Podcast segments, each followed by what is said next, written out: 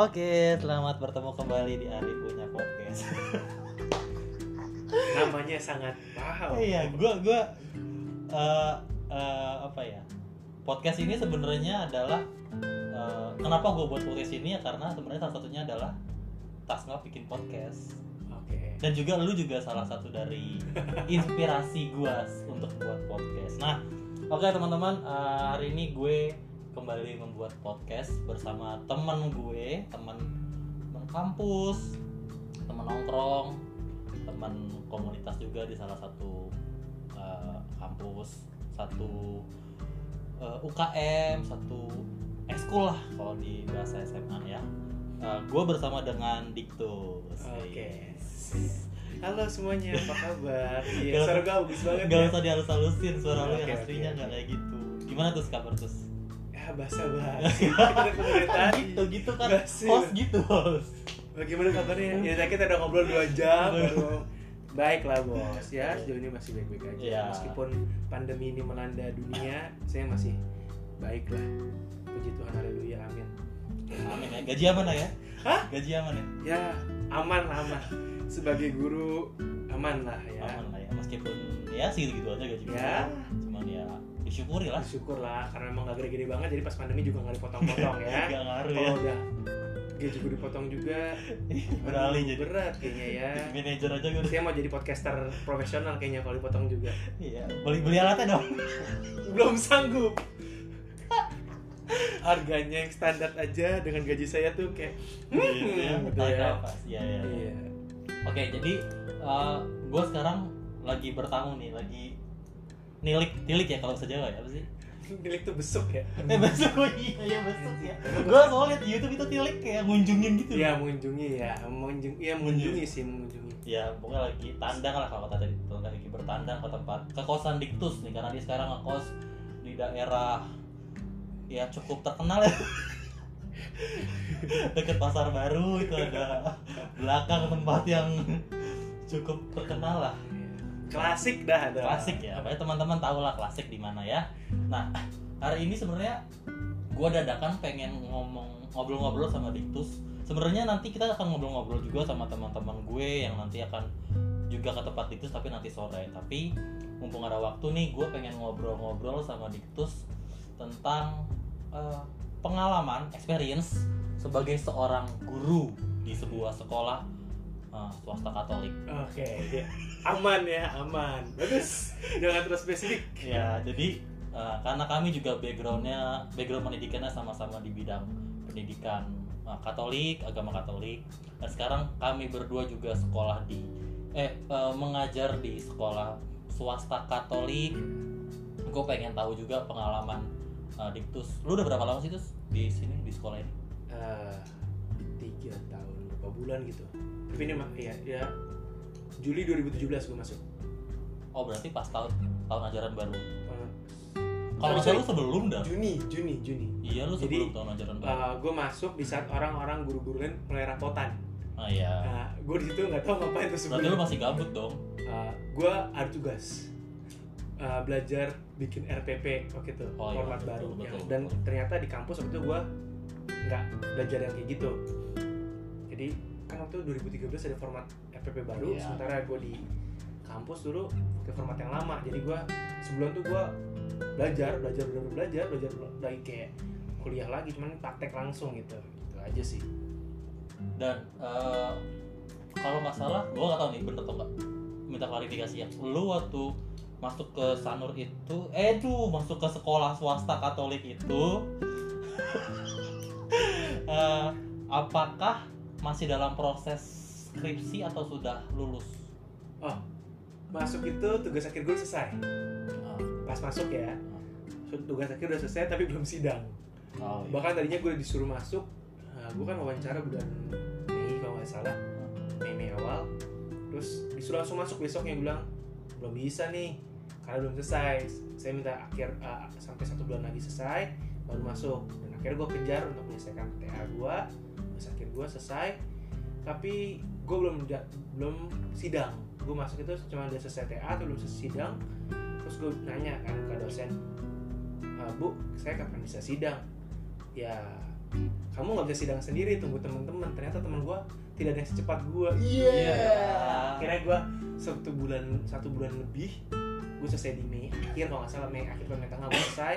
Juni gue masuk gue baru sidang bulan Juli Oh iya, pas tahu. Ya. Bener-bener masuk TA baru ya. ya dan itu gue udah lupa apa yang gue tulis Bener bener bener bener. Terus berarti berarti lu masuk uh, ke sekolah tersebut pada saat tugas akhir sudah selesai tapi belum sidang. belum sidang ya. Iya. Terus uh, kenapa kok bisa di dia kayak dipercayakan masuk ke sebuah sekolah yang notabene sekolah besar dengan status lu sebagai mahasiswa belum lulusan dari kampus ini. Eh, karena kalau nggak salah itu gue menggantikan salah satu kakak kelas kita Oh. Nah, dia seorang yang cukup good looking ya. Cukup good looking. Eh, bukan cukup lagi memang good Memang looking memang good looking. good looking Eh, dia mempesona sekali Itu nggak boleh sebut namanya ya. Eh, jangan lah Jangan. ntar gue gue mention aja orangnya gue tag orangnya nah eh, dia waktu itu mau selesai dari sekolah karena ada mau rencananya mau lanjutkan studi akhirnya sekolah itu mencari guru baru mencari guru baru ke kampus gue taunya cerita dari eh, kaprodi kita dan juga kebetulan pembina eh pembimbing tugas akhir gue Ya, orangnya sama. Dari kampus kalau salah bukan gue yang ditawarin pertama. Gue tahu. orang lain ditawari ternyata sekolah itu membutuhkan guru baru laki-laki. Iya. sekolah akhirnya kampus melalui uh, dosen gue ini kayaknya dia ngelis deh datanya siapa aja siapa aja siapa aja ternyata sebagian besar yang udah lulus itu udah punya pekerjaan. Udah punya sekolah udah ngajar di sekolah ataupun kerja di tempat lain. Gue di antara rombongan gue angkatan gue cuma gue doang nih udah TA nih. Mhm. yang laki-laki ya. Si teman gue kan memang agak ya suka gitulah. Sementara yang lain tuh angkatan-angkatan 2011, 2010, 2012 dan tidak dipilih sama dosen gue karena mereka aja TA-nya lama banget gitu kan. Akhirnya gue dipilih karena mau nggak mau satu-satunya calon yang eh, dianggap dianggap cukup bisa representasi gue gitu kan. Akhirnya gue diminta lagi waktu gue tiba-tiba aja orang lagi di bimbingan terus tiba-tiba disuruh potong rambut. Hmm. ya itu gue lagi gondrong-gondrongnya tuh kan gue punya deal tuh sama ibu dosen itu nggak bakal potong rambut sebelum sidang. Oke deal sama dia tapi dengan syarat semester itu harus selesai. Ya, oke. oh tiba-tiba suruh potong rambut kan mau jadi guru nggak ya gue mikirnya gue harus hidup. Masa lulus gue ngapa ngapain gue nggak mikir waktu itu jadi guru nggak mikir sebenarnya. Terus udah gue mau kerja dulu.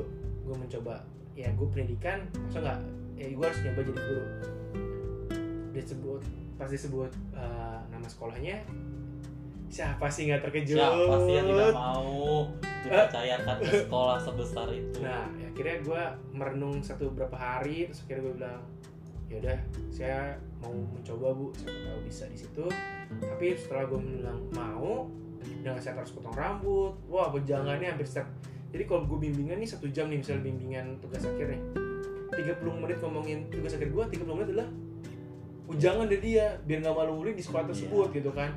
Karena gue kan bukan tipe mahasiswa yang penurut ya di kuliah pun suka ngawur tapi masih dalam konteks yang Batas wajar. batas wajar maksudnya eh, aktifnya banyak banyak aneh ah, banyak rusuhnya juga tapi masih bisa dipercaya sama dosen. Jadi kan ada hal positifnya. Jadi itu sih awalnya tuh saya kira gue yaudah coba-cobalah. Nggak coba-coba gue mencoba apply ke sana.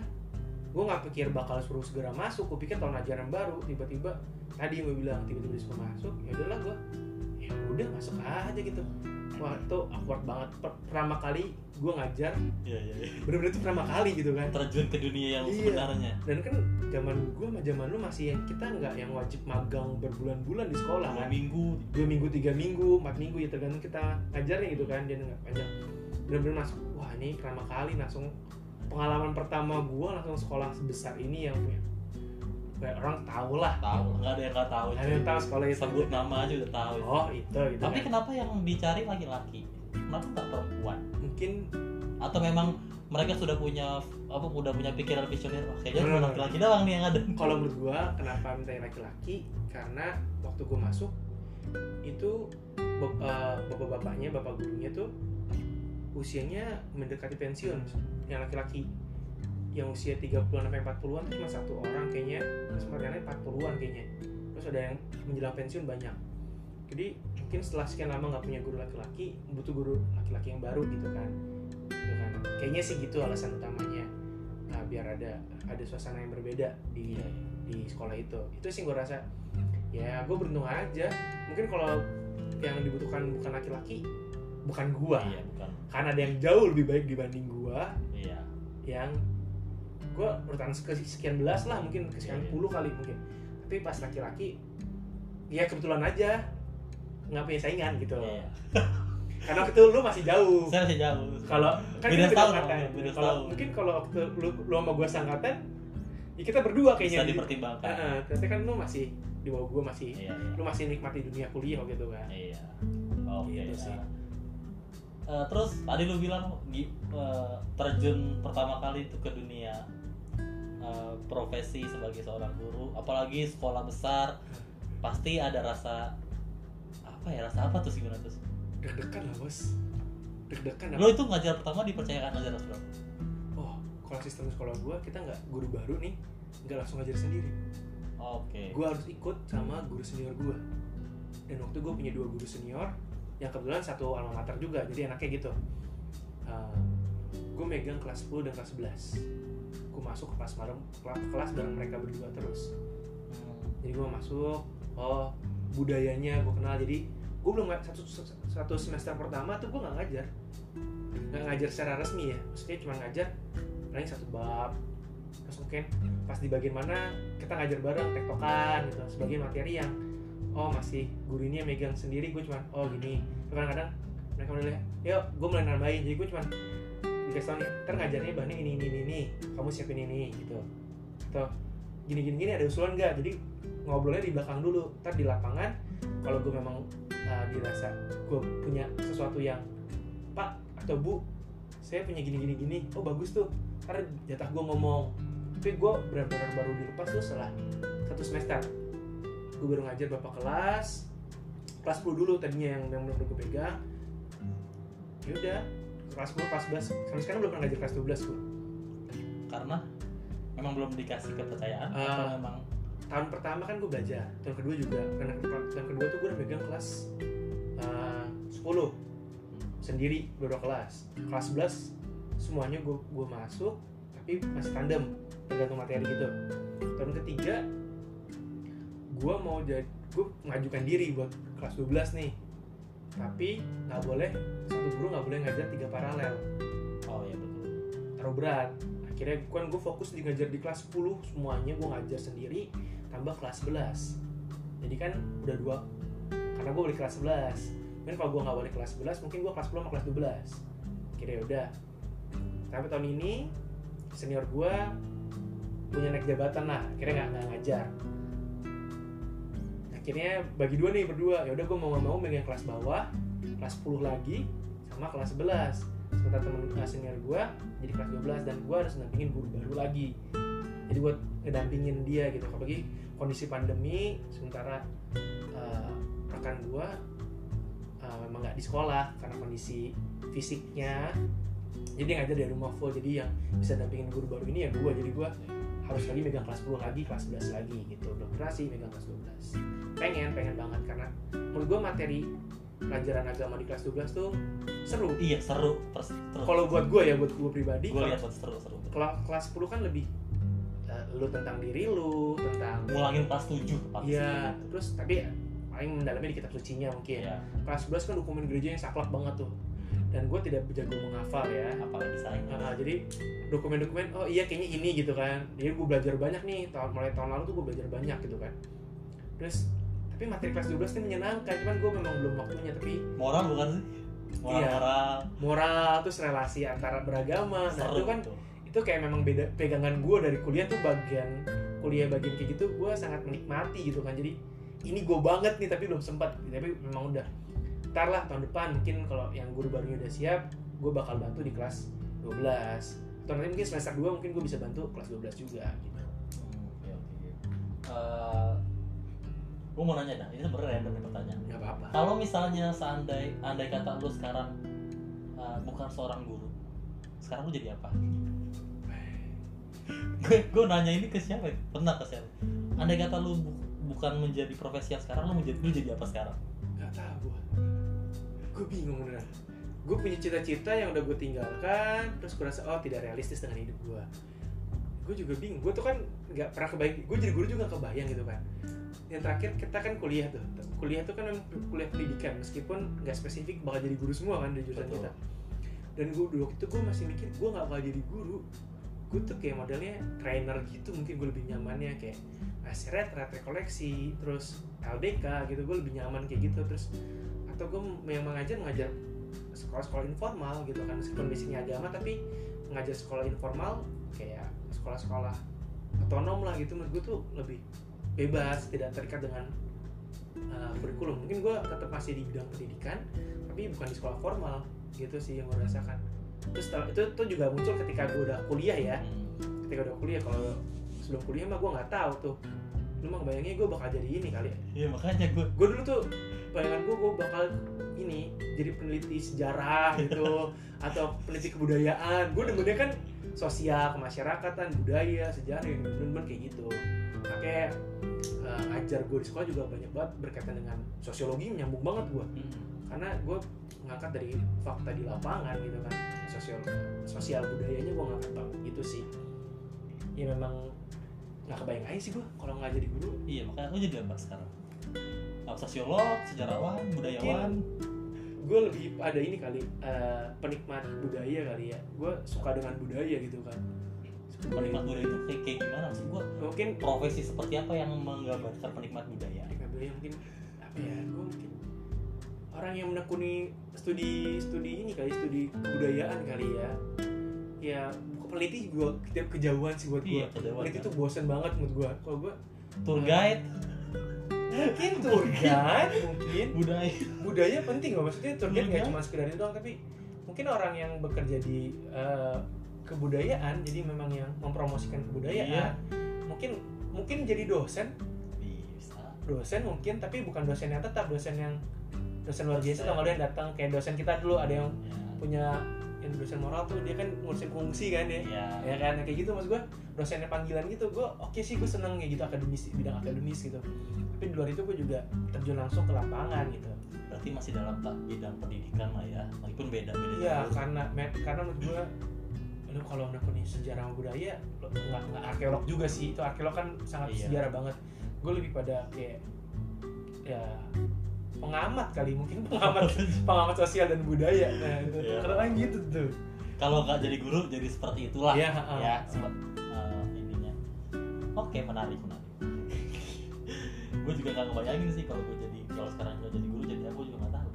Awal gue mau jadi geolog geolog ya geolog. loh geolog gue masih waktu lulus SMA tuh daftar di IPB jadi geolog gagal meskipun nggak punya basic apa pun meskipun gue Tapi SMA IPA kan? IPA kan IPA kan nilainya kan juga terjerembab. Padahal geografi adanya di IPS emang bodoh itu yang gue bikin sistem tapi pendidikan kan geolog kan nggak tapi aneh maksud gue kenapa geografi dimasukinnya di IPS sementara cab cabangnya dia nanti di kuliah itu Iya, adalah di, di IPA atau kan sebenarnya IPA. geologi sama geografi saling melengkapi. Harusnya sih gila sosok ngerti Ya prinsip so ngerti Gua- memang memang gue juga tuh- gue juga ini aja diem aja tapi menurut gue tuh miss loh maksudnya sayang banget kayak gak nyambung gitu. Iya iya iya. anak-anak yang belajar geografi mau jadi geolog kayak lu harus belajar sama biologi kan nyambungnya. Iya gitu memang, sih. Memang memang memang. anjing sosok ngerti gue itu bahasa gue kasar banget Ya guru. Allah di sini juga nggak ada yang dengerin terus. Slow aja jadi oke jadi eh, gitu. Nah gue balik lagi nih ke ke pengalaman pertama mengajar tadi. Pasti deg-degan pasti nervous pasti ada pengalaman canggung dan segala macam. Terus eh, sekarang gue denger lu sudah dipercayakan menjadi seorang wali kelas. Yes. ini ini adalah kabar-kabar yang apa ya mengagetkan. Karena gue baru pertama kali ngedenger orang guru agama dipercayakan menjadi wali kelas. Ah. karena gue baru denger nih gue nggak tahu mungkin di sana banyak. Banyak. Itu gimana reaksi pertama dipercayakan jadi seorang wali kelas? Dengan personal yang kayak gitu Wah itu kurang. Oh, gue tuh wali kelas tuh udah ini tahun kedua gue jadi wali kelas. Tahun lalu gue megang kelas kelas 11 oh itu tahun kedua ya Tahun kedua. Tahun lalu tuh gue udah wali kelas dan gue bersyukur sih waktu gue dikasih kelas 11 Kenapa kelas 11? Kelas 11 itu kan lu nggak punya beban apa-apa. Maksudnya gini, kalau lo jadi wali kelas 10 lo punya beban untuk mengajari budaya sekolah tersebut oh ini loh budaya sekolah kita kita kayak me- apa ya oh begini memperkenalkan banyak budaya atur aturannya seperti ini kalau kelas 11 kan lo udah dapet nih kelas 10 nih. Kelas 11 lo masa ore lo bebas banget tuh. Karena kelas 12 fokusnya untuk tugas eh, tugas akhir apa tugas akhir lagi. Ujian akhir Ujian kan. akhir. jadi fokusnya dan persiapan kuliah. Nah kelas 11 ini kan di antara. Jadi ber- kalau gue sih bermainnya ini kayak ya tarik ulur tarik ulur lah. Nah, ya. udah tak gue ngasih kebebasan buat mereka tapi masuk kebablasan. Jadi gue memberikan beberapa apa sih namanya ya, batasan. Eh, batasan gue sih nggak pernah ngebatasin mereka gitu maksudnya. Gue sebagai wali kelas gue belajar banyak dan kelas gue tuh kelas yang cukup aktif dan juga penuh drama juga iya gitu kan. Ya jadi gue ngerasa gue belajar banyak dari anak-anak dan gue rasa "Wah, ini gue mau ngapain gitu? Gue mau ngapain gitu kan? Iya, bener-bener gila gue awal-awal tuh gue mau ngapain? Kalau gue pasti selalu nanya ke koordinator gue pak nanti kita harus ngapain nih? Ngapain akhirnya udahlah. Gue lupa dulu gue waktu SMA gue udah mau dikasih gue ngapain ya gitu gue lupa gitu kan. Ya udahlah gue ngobrol-ngobrol sama mereka sharing-sharing gitu kan. Terus ngasih uh, apa ya gue mencoba mengeluarkan hal-hal yang positif dengan cara gue dengan gaya gue yang kata anak-anak pak nggak kayak guru deh. Saya kayak udah kayak temen aja gitu kan. Berapa kadang-kadang mereka ngecengin Pak ntar pas di rapot gimana pak? Emang gimana? Ya kan sama orang tua saya. Orang tua saya sama orang tua bapak seumuran paling gua gitu kan. Terus gue tanya, "Ih, bener juga gitu kan. Gue itu ada ada agak bingung tapi ya udah gue kan katanya kalau wali kelas tuh kayak orang tuanya gitu kan. Orang tua kedua tapi dengan mereka umur tidak jauh-jauh banget. Aku tidak rasa eh, ih bapak ih tua banget itu gitu dia, kan. itu dia, itu nah dia. itu uh, gue akhirnya gue coba ya meskipun itu ya gue tetap dengan cara gue gue tetap ya ya udah apa adanya gue gue semakin gue jujur mereka juga oh guru gue gini gue jujur aja gue bukan anak-anak waktu sekolah bukan anak-anak yang alim-alim banget gitu. Gue punya salah juga. Gue udah gue bilang ke mereka zaman remaja SMA buat kesalahan itu wajar. Yang penting ketika salah lo ditegur lo mau mengakui kesalahan lo dan mau berubah. Kuncinya di situ. Dan gue rasa dan akhirnya pendekatan personal sih yang penting pendekatan personal. Tapi sulit. Gue ngajar 30 berapa ya? 32 kayaknya anak kelas gue 32 anak ya banyak ngobrol-ngobrol satu dua satu dua ya ada yang cepat ngobrolnya bisa dia mereka bisa cerita ada yang lama banget sampai ada yang akhir juga nggak pernah ngobrol sama gue gitu kan ya udahlah memang nggak nggak nggak bisa nggak nggak. Emang karakter anak kayak gitu karakter sama karakter orang beda-beda kan terus gue sih men- menyempatkan diri ketika mereka bercanda apa sih bercandanya gitu kan serta gue nyambung gitu kan tapi kalau nggak nyambung ah lah saya nggak nyambung jadi apa adanya aja tapi gue juga belajar banyak dari mereka remaja kayak kalian tuh maunya diapain itu gue banyak interaksi dengan mereka maunya diapain maunya gimana gitu kan. Jadi sama-sama mereka ngasih feedback juga buat gue. Eh, terus gue juga oh belajar juga oh harusnya begini harusnya begitu ya. Nama yang pertama pasti banyak kurang tepatnya gue, gue yakin sih uh, kurang tepatnya. Tapi gue berharap uh, apa yang gue pelajari dari mereka tuh berguna juga sih maksudnya. Ya seru sih jadi wali kelas itu apalagi tanpa ada basic apa pun tiba-tiba tunjuk di kelas tuh gue kaget wah gila gue kelas serunya karena lu tidak punya basic dan lu disuruh mainkan sesuatu yang lu nggak kuasai Iya, gue gue nggak kebayang. Itu gue baru itu gue diangkat jadi guru. Jadi gue dibawa diangkat jadi guru tetap. Tiba-tiba tugas tambahan jadi wali kelas. Terus gue gue ngapain ya nanti ya? Aduh gue ngapain ya? ya Dan gue eh, ya gue bingung gitu, nggak kayak nggak ada kebayang mau nanti gimana. Gue adalah gue gue buat santai aja lah. Yang padanya gue, gue cerita aja. Gue pokoknya ngalir aja ngalir. Eh, selagi bisa kompromi, gue kompromi banget orangnya. Gue sangat kompromi dengan anak-anak kompromi dan tahu batasannya mereka gue senang dengan ngobrol- ngobrol-ngobrol dengan mereka. Jadi kegiatan gue banyak kan ngobrol sama mereka. Ngobrol doang. Ngobrol bener Ya, ngobrol karena emang itu yang dibutuhkan kan? Iya ngobrol ngobrol. Kalau mereka lagi waktunya uh, wali kelas nih perwalian. Iya. Terus gue nanya walian ada gimana? Wah capek pak. Gini gini gini. Kalau mau ini ya udah istirahat aja lah. Pernah gue suruh tidur? Iya. Tidur. Ya udah tidur deh tidur tidur dah tidur. Biar biar relax. Ya udah tidur mereka tidur. Kayak waktu pak besok ulangannya banyak banget. Ya udah sekarang gue cuma saya gue harus harus nyampein pengumuman. Gue sampein dalam waktu yang harus dengerin. 5 menit lu dengerin. Habis itu lu boleh belajar berkelompok berkelompok untuk persiapan ulangan besok. Yaudah lah gitu. Gue nggak nggak banyak. Jadi gue nggak banyak bukan gue oh bikin permainan. Gue nggak yang segitunya gue lebih banyak kan. Pas lagi mereka belajar belajar belajar ada yang mungkin udah capek belajar ngobrol-ngobrol gue duduk tuh bareng-bareng. Ngobrol sama empat orang gitu. Oh bercanda-canda. Terus gue pindah lagi pindah lagi pindah lagi jadi gue bisa ngobrol-ngobrol-ngobrol sama mereka. Gue sih kedekatan itu yang akhirnya gue penting gitu kan. Ya gue rasa ya gue nggak tahu sih dari sudut pandang mereka tapi gue ngerasa ini yang gue bisa sejauh ini baru itu doang gitu.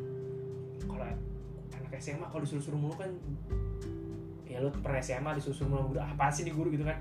Ya ngobrol aja lah ngobrol lah ngobrol ngobrol. Iya intinya ngobrol aja sama gue itu doang sih. Berarti itu ya itu itu yang dibutuhkan oleh mereka saat ini seperti apa kedekatan relasi yang pertemanan tapi tanpa meninggalkan citra lu sebagai seorang guru. Ya terus gue nya lagi uh, gue nggak tahu ya. Gue pernah dengar uh, banyak guru kan yang ngasih reward buat anak muridnya. Oh nilainya paling tinggi akan dikasih gitu kan. Tapi kalau menurut gue nilai tertinggi akan dikasih hadiah itu menunjukkan ya lu bakal berprestasi tapi egois banget. Gue di kelas gue gue bilang kalau kalian nggak remet karena gue nggak gue waktu wali kelas IPA ya. Jadi uh, matematika fisika kimia biologi. Gue bilang nih kalau ada mata pelaj- empat pelajaran itu ulangan semuanya nggak ada yang remet gue kasih hadiah. Tapi harus satu kelas. Iya. Oh iya dong bukan personal kan? Bukan personal. Jadi kalau lu bersama-sama naik eh gue Bersama. bersama-sama nilai bagus baru gue kasih hadiah. Gue lupa berapa kali gue cuma ngasih beng-beng doang. Tuh nggak? Beng-beng syahid itu yang Iya. murah banget Kecil. bos. Kecil banget. Gue cuma beli berapa doang gue kasih. Secara eko mereka bukan anak-anak yang ekonominya. Rendah lah maksudnya beng-beng buat mereka ya elah kecil banget Iya. tapi pas gue kasih gue ekspresinya kayak seneng banget. Wow berarti perhatian ya? Udah terus mereka remet remet remet remet terus sekali waktu ada pelajaran buat mereka susah. Fisika. Wah remet mulu gue kan. Sekali waktu pelajaran fisika itu mereka lolos semua. Langsung nuntut dong pak mana nih? Gitu kan. Kita selama ini akhirnya bisa lolos. Oke akhirnya kan. Oke adalah ini reward yang penting. Gue waktu bodo amat lah gue nggak mikirin duit. Duit ya. kalau gue mikir gue ya lu lu memberikan dengan tulus gitu. Lu memberikan dengan tulus pasti ada feedbacknya juga. Lu bukan uang tapi uh, apa ya antusias mereka tuh yang akhirnya gue beliin apa ketika lagi promo apa boba apa yang murah-murah gitu. Uh, lagi di diskon diskon gue beli tuh set. Satu kelas rame satu sekolah. Karena gue gue kasihin milk, boba milk tea itu lah gue beliin. Set buat 30 anak coy.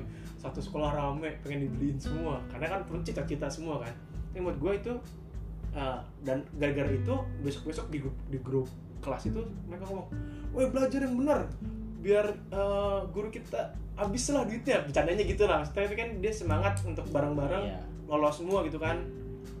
Ya meskipun akhirnya terhenti gara-gara pandemi ya. Hmm. ya udah tapi gue ngerasa berapa bulan sama mereka? 7 bulan 8 bulan sama mereka. Gue belajar banyak. Oh berarti perhatian yang penting. Ketika gue kasih beng-beng yang ya lah kecil banget bos. Tapi mereka antusias seneng banget tuh gue rasa. Ya terus gue akhirnya mulai bisa ngobrol-ngobrol dengan satu-satu dengan mereka. Mereka kalau ada masalah cerita sama gue sejauh mereka nyaman ya gue gak pernah maksa mereka cerita. Tapi kalau mereka mau cerita gue tampung lah. Itu sih. Oh, oke. menjadi sahabat lah ya. Iya itu. Jadi sahabat itu kan yang diajarin di kuliah di kampus kita. Asik. Itu kan emang bener kan? Betul. dari kampus sama itu nah, dan gue coba mencoba memperhatikan biasa ini. Eh, kesempatan gue untuk observasi lebih lanjut. Kalau yang pintar pasti sangat kelihatan. Yang kurang banget pasti sangat kelihatan. Kan sekolah kita pasti ingatnya yang paling-paling kan. Paling pintar diingat paling bodoh diingat. Paling rajin diingat paling berantakan diingat. Paling cakep diingat paling jelek diingat. Yang di tengah-tengah. Nah gue bisa coba merangkul yang yang Di di tengah-tengah. tengah-tengah ini yang kadang-kadang dia harusnya dia punya potensi cuma nggak kelihatan aja karena memang nggak nggak nggak itu karena tengah-tengah posisi Nah, gue merasakan karena gue tipe orang yang tengah-tengah. Jadi gue harus, oh nih gue ngobrol lah, gue ngobrol suka-suka bisa cerita gitu kan. Meskipun gak gampang, itu sih yang gue Iya, merangkul semua lah ya tanpa oke terus eh, apa rasanya ngajar anak-anak yang homogen Kau udah nyari bahasa yang seaman mungkin. Apa rasanya mengajar anak-anak yang homogen? Di Jakarta sekolah homogen bisa pakai jari bos. Iya makanya. Kan mereka bisa nebak. Yang menyebutkan jenis kelamin kayak apa. Ini ya, unik ya. unik ya unik maksud gue gue belum pernah soalnya. Uh, uh, dua hal sih menurut gue satu mereka akan lebih ekspresif ekspresif banget karena nggak ada pat- ada ada lawan. jenisnya. jadi tuh gue wah mereka bisa total banget di kelas tuh wah. Menunjukkan siapa dirinya iya iya. Jadi wow gitu kan terkejut. Yang gue pikir bakal sangat kalem ternyata tidak juga gitu. Jadi ya, ya, ya mereka remaja apa adanya meskipun kadang-kadang orang ngeliat oh ini ini anak-anaknya cupu-cupu apa gue kenal. Tidak secupu itu meskipun kelihatannya aja cuman serunya adalah ketika mereka bisa explore banget hidup eh, bakatnya mereka uh, punyanya mereka gitu. Itu tuh menurut gue luar biasa sih. Di situ yang positifnya tuh mereka jadi ya udah jadi lu gitu. Cuma meskipun ada yang juga eh, negatifnya adalah ketika lu dari eh, dia dari sekolah homogen dari mungkin dari dari dulu di sekolah homogen terus itu kan terus berelasi dengan lawan jenisnya agak kikuk. Iya. Itu gue ngerasa mereka banyak cerita juga. Nah gue tidak mungkin uh, gue ngajar situ serunya adalah ngobrol-ngobrol dengan mereka terus melihat mereka tuh wow ternyata bisa begini ya luar biasa banget. Gue di SMA yang uh, cowok ceweknya uh, nggak segininya gitu masih ada jaim-jaimnya lah lu anak SMA tuh cuman gitu pakai jempol jari lah yang gila gitu. Ini bisa satu sekolah gila semua gitu maksudnya gila dalam konteks yang positif ya. Gila dalam mengekspresikan diri gila dalam mengembangkan gitu kan yang hobinya drama ya kan drama banget hidupnya. Hmm. maksudnya rame gitu kan ada yang memang suka gambar dan dikembangkan di itu. Gue cuma gue nilai plusnya sih itu keren banget. Di sekolah homogen tuh kayak gitu cuman memang akhirnya ada beberapa anak yang memang sulit berrelasi dengan lawan jenisnya. Karena mungkin udah nyaman dengan uh, uh, teman-teman se selingkupnya dia aja. selingkupnya yang sesama jenis kelamin yang sama itu jadi nanti agak sulit beradaptasi dengan yang lawannya. Tapi nanti kalau misalnya di perguruan tinggi Nah, kuliah makanya gue selalu ngajakin punya nggak temen yang lawan jenis? Nggak cari gue bilang gitu. Karena penting. Eh, dia mana pun harus menemukan lu entah aktivitas di luar sekolah gereja atau hobi lu coba cari yang ada eh, lawan jenisnya biar ada interaksinya. Jadi ntar lu pas kuliah nggak kaget. Terus sih gue selalu menga gue ngarahin mereka gitu tapi gue senangnya adalah ketika gila sih maksudnya gilanya tuh ekspresif banget ekspresif banget Nah, untuk banyak hal gitu. Mulai bikin teater lah ya. Wah kalau lagi lomba antar kelas meeting tuh kan bukan di kelas meeting itu nggak kayak kelas meeting kita Iya yang gue bayangin itu gimana tuh kelas Kelas- meeting itu? nih kelas meeting kalau di sekolah kita dulu kan kita lagi sekolah lu sama gue sekolah gue beda. Tapi kan eh, SMA yang campur itu eh, kompetisi banget gak sih? Iya. Kompetisinya yang untuk bisa Ya wah, ribut. ribut gitu kan. Nah kalau ini enggak. Jadi kompetisi yang have fun Oh, seru-seruan. Jadi lombanya tuh nggak ada yang namanya main bola bola doang nggak ada. Main bola tiba-tiba harus pakai daster sama kacamata renang. Oh iya. Jadi cuma memang buat have fun gitu kan. Have fun. terus ada estafet makan kerupuk atau makan apalah iya apa ada bang eh itu pokoknya. Jadi memang kelas meetingnya dibuat untuk ceria bukan kompetisi yang serius tapi ceria. Itu yang gue itu sih nilai plusnya di situ. Jadi karena mereka satu semua jadi gilanya gila kan terakhir uh, punya acara lomba basket. Meskipun awalnya gue pesimis ya maksudnya pesimis dengan supporternya meskipun gue bantuin di lomba basket itu gue ikutan tapi gue lebih lebih dekat dengan anak-anak supporter gitu kan awal tuh mereka sampai curhat tuh anak-anak yang ngurusin. Pak nih nonton dikit banget kalau hari minggu. Pertandingan kedua juga masih sepi. Pertandingan ketiga masuk di final. Karena tau di final rame banget coy. Rame sampai nonton di luar gak dapet tiket. Itu ada jadi kayak wow dapat vibe nya gitu. Jadi dan karena mereka sama-sama semua jadi lebih ikatannya tuh kuat di situ bondingnya di situ kuat.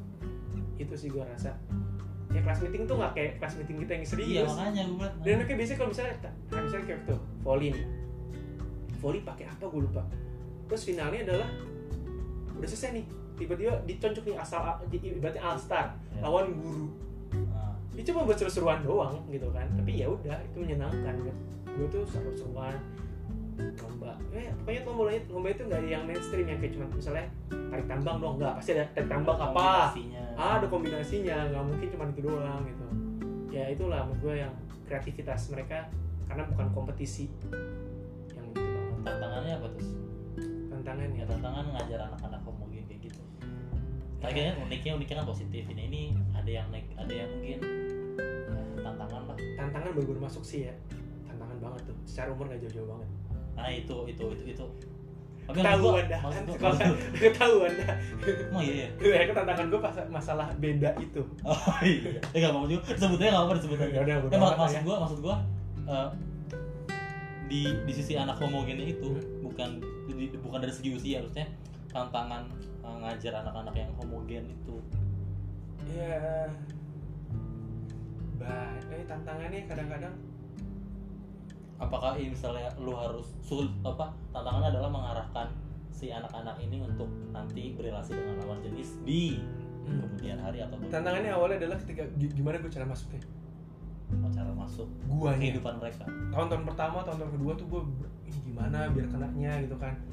Ya mereka jaga-jaga jarak gitu kan apalagi ada maksudnya uh, secara umur waktu itu gue gak beda jauh banget waktu itu ya. Sekarang udah jauh gitu ya gue udah menyimpan rapat loh nah memang kenyataan kok Iya faktanya memang gitu. Jadi gue ngerasa itu sih awalnya masuk mereka tuh gimana caranya terus uh, kadang uh, gak ada bullying.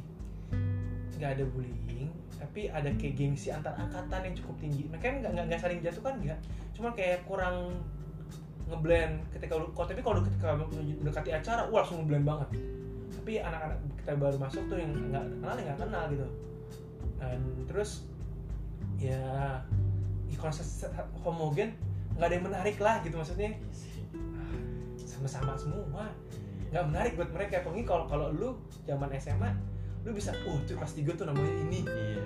Cewek. di sini nggak ada ya? Di sini kan ih sama semua gitu. Jadi kayak Kalau- misalnya cewek, cewek masih baru nggak uh cowoknya ganteng atau yang balikan itu kan secara ya manusiawi lah fisik itu kalau ini kan nggak ada kalau nggak memang oh ini jago jago bola jago basket kalau nggak kayak itu kan itu doang yang kelihatan. Tapi luar itu tantangan gue masuknya gue sendiri gue masuk ke mereka tuh sulit. Ini gimana cara masuknya gitu kan. Eh, kulturnya mereka udah terbentuk seperti apa gitu kan. Terus juga eh, yang baik eh, satu berita nih satu kejadian yang lo lakukan itu lu kelakuan satu ada ketemu satu anak besok satu sekolah bisa tahu satu sekolah bos. Ibaratnya lu kali ya. Wah gila. Sama jari kali aduh. Gila. Misalnya nggak sengaja nih gue ketemu temen gue perempuan. Ya cuma temen aja. Ketemu ngobrol-ngobrol-ngobrol mungkin waktu di kereta gitu atau di stasiun ngobrol-ngobrol-ngobrol. Atau anak juga naik kereta ngelihat gue foto atau gimana. Besoknya satu sekolah tahu kayak gitu bos. Dan mereka tuh waduh gue heboh banget heboh banget kalau di gurunya tuh ketemu gue ketemu cewek gitu wah gitu jadi kayak wah gitu. Ya gue males. Makanya gue tuh setahun setahun dua tahun pertama tuh gue menghindari namanya pergi ke tempat tempat umum. Tempat umum sih. Ini ke kayak mall-mall gitu. Iya. kalau nggak diajakin sama lulu pada lulu pada mah nggak pernah nongkrong di mall ya. Nongkrong kan di warteg ya. Nah teman-teman kampus kan temen gue kan banyak yang suka nongkrongnya di mall tuh.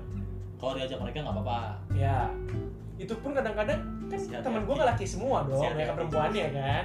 Itu bilang serba salah ya. makanya ketika ngeliat gue waduh seragamnya gue kenal tuh gue langsung menghindar tuh. Gue sampai takut itu dulu gue malas diomongin gitu kan gue nggak tapi yang seragamnya kan sama nggak sama yang di cabang aku sama sama sama kan? sama Tapi kan kan bi- bisa aja tuh bukan murid lu. Beda daerah beda daerah iya. beda daerah. Nah, maksudnya terus gue akhirnya ya udahlah setahun tuh kayak gue aduh gue gue nggak pernah gue namanya nggak pernah ke mall-mall Jakarta tuh nggak kalau nggak diajak. Harus ketemuan harus bareng-bareng. rame-rame lah intinya ya. Nggak pernah gue nggak pernah. Gue makanya gue nonton selalu ke Bekasi mulu tuh. Nonton di Bekasi mulu. Yang tidak ada mereka gitu. Jadi gue gue menghindari banget nanti Gua mulut sama jari mereka ini ya. Cepet banget. Cepet ya? Cepet banget cepet banget. Dan gue apa media sosial gue kan gue nggak memang nggak protek ya. Gue nggak pernah private tapi media sosial gue buka aja. Siapa kita? Wuh, wuh. Ada hal-hal lalu tuh yang aneh-aneh gitu di blow up gitu mereka ih papa ini anjir gue bilang gitu kan oh dia nge apa nge Yoi dong, Ya, namanya juga Badan Intelijen Negara kan itu. Aduh, memang gue bilang, akhirnya, ya pokoknya selama itu gue jarang banget posting. Selama gue setahun setahun pertama tuh gue gak pernah posting selain ke- kegiatan gue sama keluarga gue yang memang penting. Nah, malu pada juga jarang gue posting karena bawanya negatif itu ya Iya, awalnya. Awalnya Jangan negatif banyak kan gitu kan. gue nggak pernah repost repost juga nggak jarang banget tuh kan. Akhirnya gue cuman eh, kegiatan sekolah dia bisa dihitung ke jari setahun pertama tuh gue posting dikit banget karena gue emang takut gitu. Takut citra gue buruk. Betul sih. Padahal emang nggak bagus-bagus banget citra gue Iya, memang soalnya gede pas sekolah itu pak. Ya dia sama gue ya itu sih yang maksud gue oh dan dan tapi positifnya ketika gue masuk sekolah itu gue lebih mengenal oh begini loh jadi oh, lebih kenal banyak. Nggak cuma pandangan orang dari luar gitu tapi pas masuk enggak nggak gitu. Jadi itu sih. Eh, negatifnya kayak tadi itu udah berita tuh cepet banget cebarnya bos. Satu tahu semua tahu. Nggak secepat kalau kita dipergoki dengan lawan jenis yang berbeda. Iya kan? Bener kan? Itu kan? Udah itu. Nah eh, selama tiga tahun tiga tahun menuju empat tahun lu sekolah nah, apa mengajar di sekolah ada nggak kesalahan fatal yang pernah yang mungkin entah guru tahu semua atau murid tahu semua. Kesalahan fatal ya? Atau ya kesalahan apa pun lah.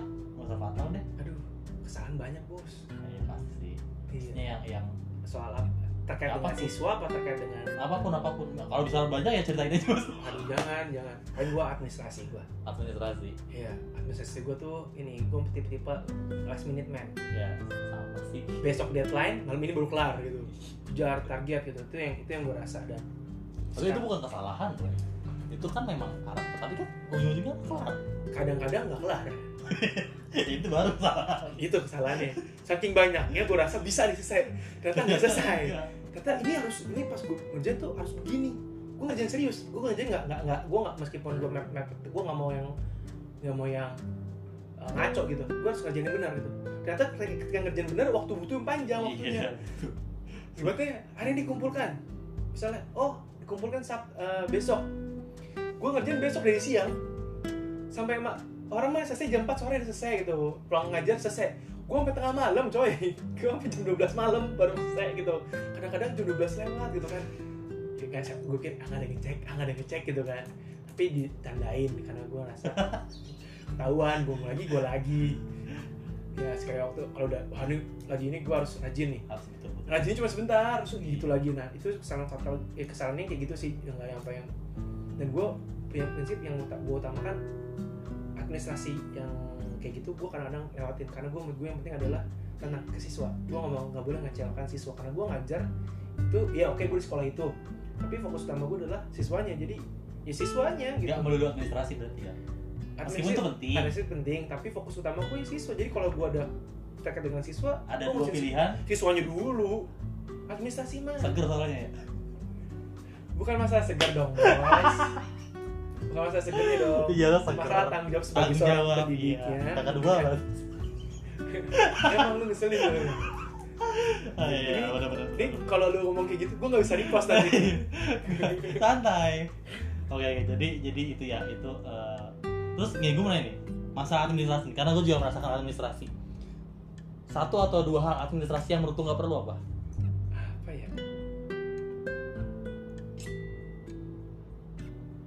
gue sih gue gue gue rasa paling FPP perlu FPP perlu.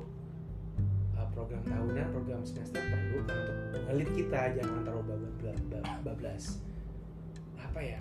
Dulu tuh gue punya di sekolah gue dulu ada namanya jurnal. Iya gue baru mau gue gue rasa itu gak penting? Iya. Kenapa? Lu judul isi harian atau mingguan? Jurnal kita kumpulin mingguan dulu. Iya. dulu dulu. Dulu mingguan Awal- rapel, di rapel. Hari Jumat di enggak tapi kan kita kan nulis kan nulis per hari itu kan nanti uh, gua kita kumpulin setiap Jumat dan itu ketikan gitu kan Oh, iya, gua ketik nah, awal tuh gua ngerjain gitu kan terus gua rasa kayaknya nggak diperiksa cuma tantangan Iya, doang tengah tangan doang. formalitas doang bos terus buat apa gitu kan Eh, Apa yang mau dinilai ya? iya gitu. kayak penting gak sih jadi kalau memang mau tahu uh, uh, bagaimana gue interaksi di kelas ya bikin aja gue suruh bikin refleksi gitu kan. Refleksi yang udah nggak usah yang harus daily tapi mungkin uh, event uh, bulanan apa yang gue lakukan untuk mereka itu kan lebih lebih oke gitu daripada yang oh gini gini gini gini terus nggak dibaca. Ya arsip terus dibaikin ke gue lagi. Berarti kan nggak disimpan sama sekolah. Ya berarti buat apa gitu? Itu gue kayak dulu tuh sampai dulu satu sekolah tuh kayak setiap Sabtu yo jadi jurnalis yo jadi jurnalis setiap Sabtu bikin jurnal semua coy. Semua Iya. guru bikin jurnal terus kayak gak penting ada yang lebih penting dari itu gitu kan. Kalau mau tahu ya gue suruh cerita aja. Misal gue tulis oh tentang kelas ini bagaimana kelas ini bagaimana. Gue gue bisa kok. Tapi jangan yang kayak harian tuh kadang-kadang ya gini doang gitu. Ya udah paling saya ngajar begini tidak ada masalah udah. Iya. mau apa? Itu tuh menurut gue agak kurang penting sih. Itu agak kurang penting. Tapi kalau untuk RPP prota prosom sih itu perlu Iya. silabus juga perlu kan garis besarnya ya garis besar pendidikannya itu penting meskipun RPP tuh gue setuju dengan Mas Menteri yang cuma tiga poin Iya. Uh, pokoknya itu, itu tiga poin itu penting tapi kadang-kadang kembali ke dinasnya harus begini lagi begitu lagi ke pagi format lagi format Capek lagi sih? tidak ada kemerdekaannya mereka nggak nemu di situ jadi kalau menurut gue merdeka belajar ya lu punya program ini bagaimana lu cara pelaksanaannya bagaimana tujuannya tercapai dan bagaimana penilaiannya Itu yang merdeka. itu kan tiga poin itu yang penting nah sementara kalau sekarang bikin lagi ribet lagi gitu kan ya ya udahlah selagi gue Ya, masih di sekolah kita- itu ya gue iya. harus harus harus menjalaninya gitu Meskipun sebenarnya kita pengen mengusulkan atau pengen membuat sesuatu yang inovatif. tapi Iya, ya, gue bikin tapi ternyata kan harus ikut aturan ya udah gue ikut aturan. Kalau nggak ikut aturan, gue pernah bikin sendiri yang ala gue sendiri mantap. Eh, nggak di, nggak dilihat. Iya, ya udah. mending mending mending mental kalau nggak digital. Jadi ya udah. Gue bikin sederhana banget. Bener-bener selembar untuk empat kali ketemuan bisa gue. Iya, gue doang. Memang gue memang orangnya tipenya Tipenya minimalis, minimalis, progresif. Iya, iya, itu iya. sih merasa itu yang kurang dan ah, terus ya kayak gitu yang yang gue apalagi kalau mau sertifikasi apa iya ada sertifikasi itu menurut gue apa sih lu tebel-tebel banget saja kayak bikin sajen Itu nggak? menurut tuh dibaca nggak sih? Kayaknya mah dibaca awal doang. oh mereka nyari oh ini ada nggak? Cari oh ini ada nggak? Cari. gitu. Itu proses sertifikasi sekolah akreditasi sekolah kayak gitu. Menurut gue ya lah gitu. Ya, ya, tapi ya, Ya, selagi masih sistem pendidikan kayak gitu ya ikutin aja. Kita masuk dalam sistem ya sih. kecuali gue punya punya sekolah sendiri gue bikin cara dia ya itu Eh mungkin nggak? pengen sih itu ada cita-cita. Gue punya rombongan orang-orang gila tapi orang gila maksudnya punya konsep pada pendidikan gak harus kayak gini gue tuh sekolah otonom aja bisa sangkar anak akar Iya. ya sebenarnya bisa lah. Atau sekolah-sekolah yang berbasis kayak desain kayak ada sekolah yang berbasis desain itu, itu bisa aja. Cuman gue memang gak boleh di sekolah ini kalau mau bikin kayak gitu. Iya. ini sekolah ini punya budaya yang kuat udah punya memang ini platformnya mereka. Kalau memang gue memang nggak cocok banget dan nggak bisa selaras sama mereka ya gue harus keluar. Gue mencari yang sama dengan gue bikin baru gitu. Tapi jauh banget sih tuh harus punya modal dulu minimal. Minimal punya lu kemampuan uh, uh, intelektual yang oke untuk mencari partner-partner lu yang punya konsep yang sama. Tapi pengen sih punya sekolah pengen. Tapi nggak tahu. Cuman tantangannya gede, Iya. banyak tantangan. izinnya susah. Iya. untuk punya ruang kel minimal punya ruang kelas itu kan standar harus ada gitu Iya. kan. Ya minimal ada tempat berlindung mereka gitu. Tuh, pengen sih punya sekolah ya ingin mencari orang-orang yang otaknya setipe sama gua gitu ya ya mending siswanya gitu ya ya dengan kegilaan-kegilaan masing-masing gitu Nah berarti gue nyambung dari dari jawaban lu ini nih. Apakah nanti profesi lu jadi guru itu uh, selamanya akan menjadi karir lu atau sebagai batu loncatan aja untuk karir selanjutnya? gua masih belum kebayang sih bakal pensiun sebagai guru gitu Iya. gue nggak kebayang Eh, yang gue kebayang adalah gue bakal akan terus menjadi seorang pendidik pendidik. Yang berarti nggak harus sekolah formal sebagai guru. Karena menurut gue menjadi pendidik itu menyenangkan. Ketika lo berinteraksi dengan anak-anak terutama remaja gue biasanya remaja kan remaja. Itu ada satu hal hal apa ya ada semangat baru yang disuntikan oleh mereka ke gue terus gue bisa sharing sharing gue belajar juga dari mereka. Dengan lo mendidik itu dengan lo apa ya berbagi dengan anak-anak lu juga dapat feedbacknya yang oh ternyata begini jadi gue juga semakin luas tapi gue nggak sampai sekarang nggak kebayang sih gue bakal sampai pensiun gitu Tapi lu akan tetap dalam jalur pendidik lah. kayaknya sih nggak jauh-jauh dari situ hidup jauh jauh. jauh. meskipun akhirnya gue nggak punya pekerjaan sebagai pendidik gue bakal uh, pasti akan mencari Ya, karena berhubungan dengan itu lah itu untuk mungkin aksi sosial, sosial gue di situ pasti uh, dunia pendidikan nggak bakal gue nggak bakal lepas dari dunia pendidikan. Karena udah bertahun-tahun gue di situ gitu maksudnya kuliah gue sampai gue kerja dan bahkan ternyata gue sadari waktu gue SMA gue pernah disuruh bikin kayak semacam penelitian yang akhirnya gue nggak selesai juga itu tentang pendidikan.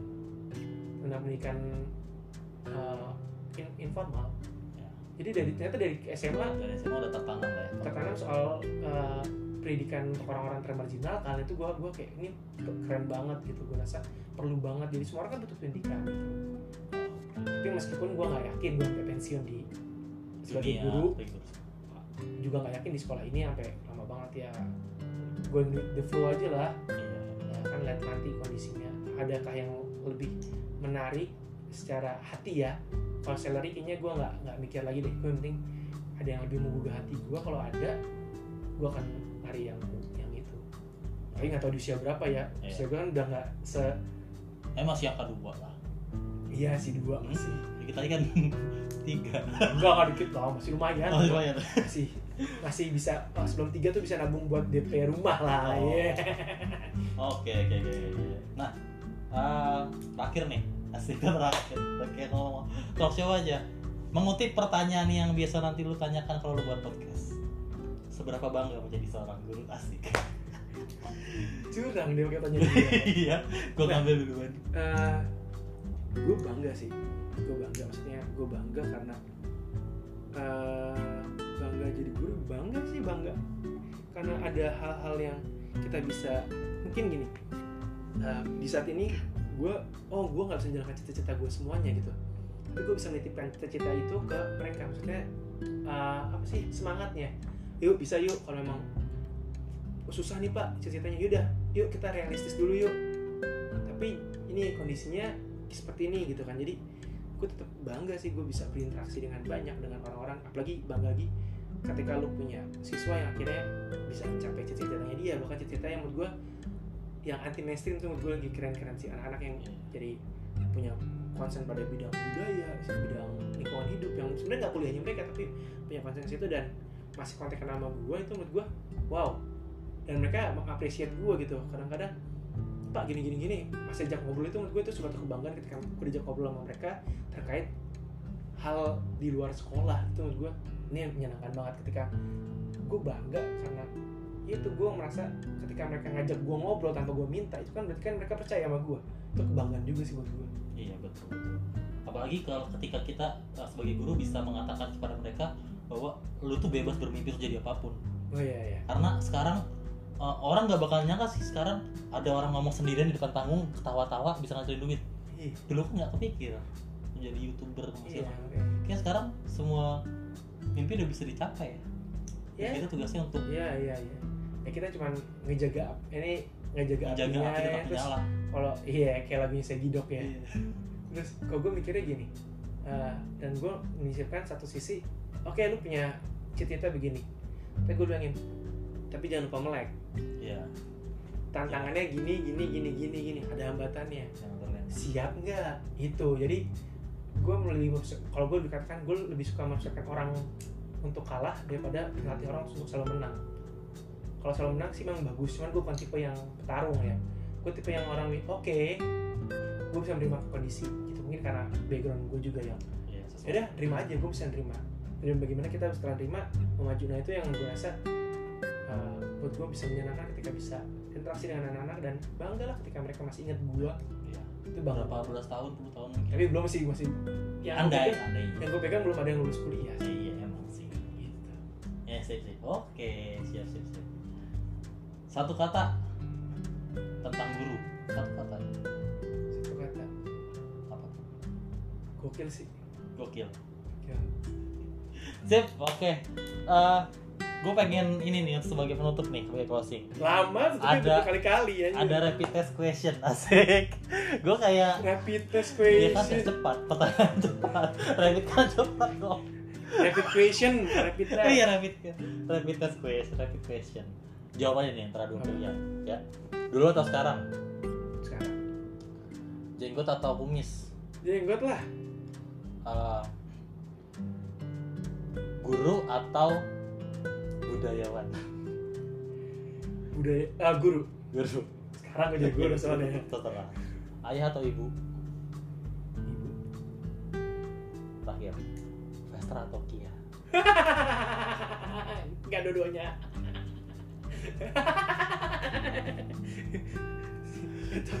dalam hal apa pun Petra atau Kia orangnya nggak jelas dua-duanya gitu jadi saking sayangnya gue sama dua-duanya susah milihnya gitu ya. Dua-duanya tuh absurd gitu. Ada ada ya. satu. Kia deh. Oke Kia. Karena dia yang lulus kuliah. Oke, thank you terus sudah berbagi sama gue. Gila semoga ya bisa mencurahkan sedikit banyak cerita tentang menjadi seorang guru, menjadi seorang pendidik ya. Eh, sampai bertemu lagi di kesempatan berikutnya di ngobrol-ngobrol berikutnya. Eh, nanti pasti akan banyak lagi cerita-cerita yang lain yang mungkin menarik. Semoga ada yang bisa diambil dari cerita kami berdua tentang seorang menjadi seorang guru. Oke, bye bye. Sampai bertemu lagi. yo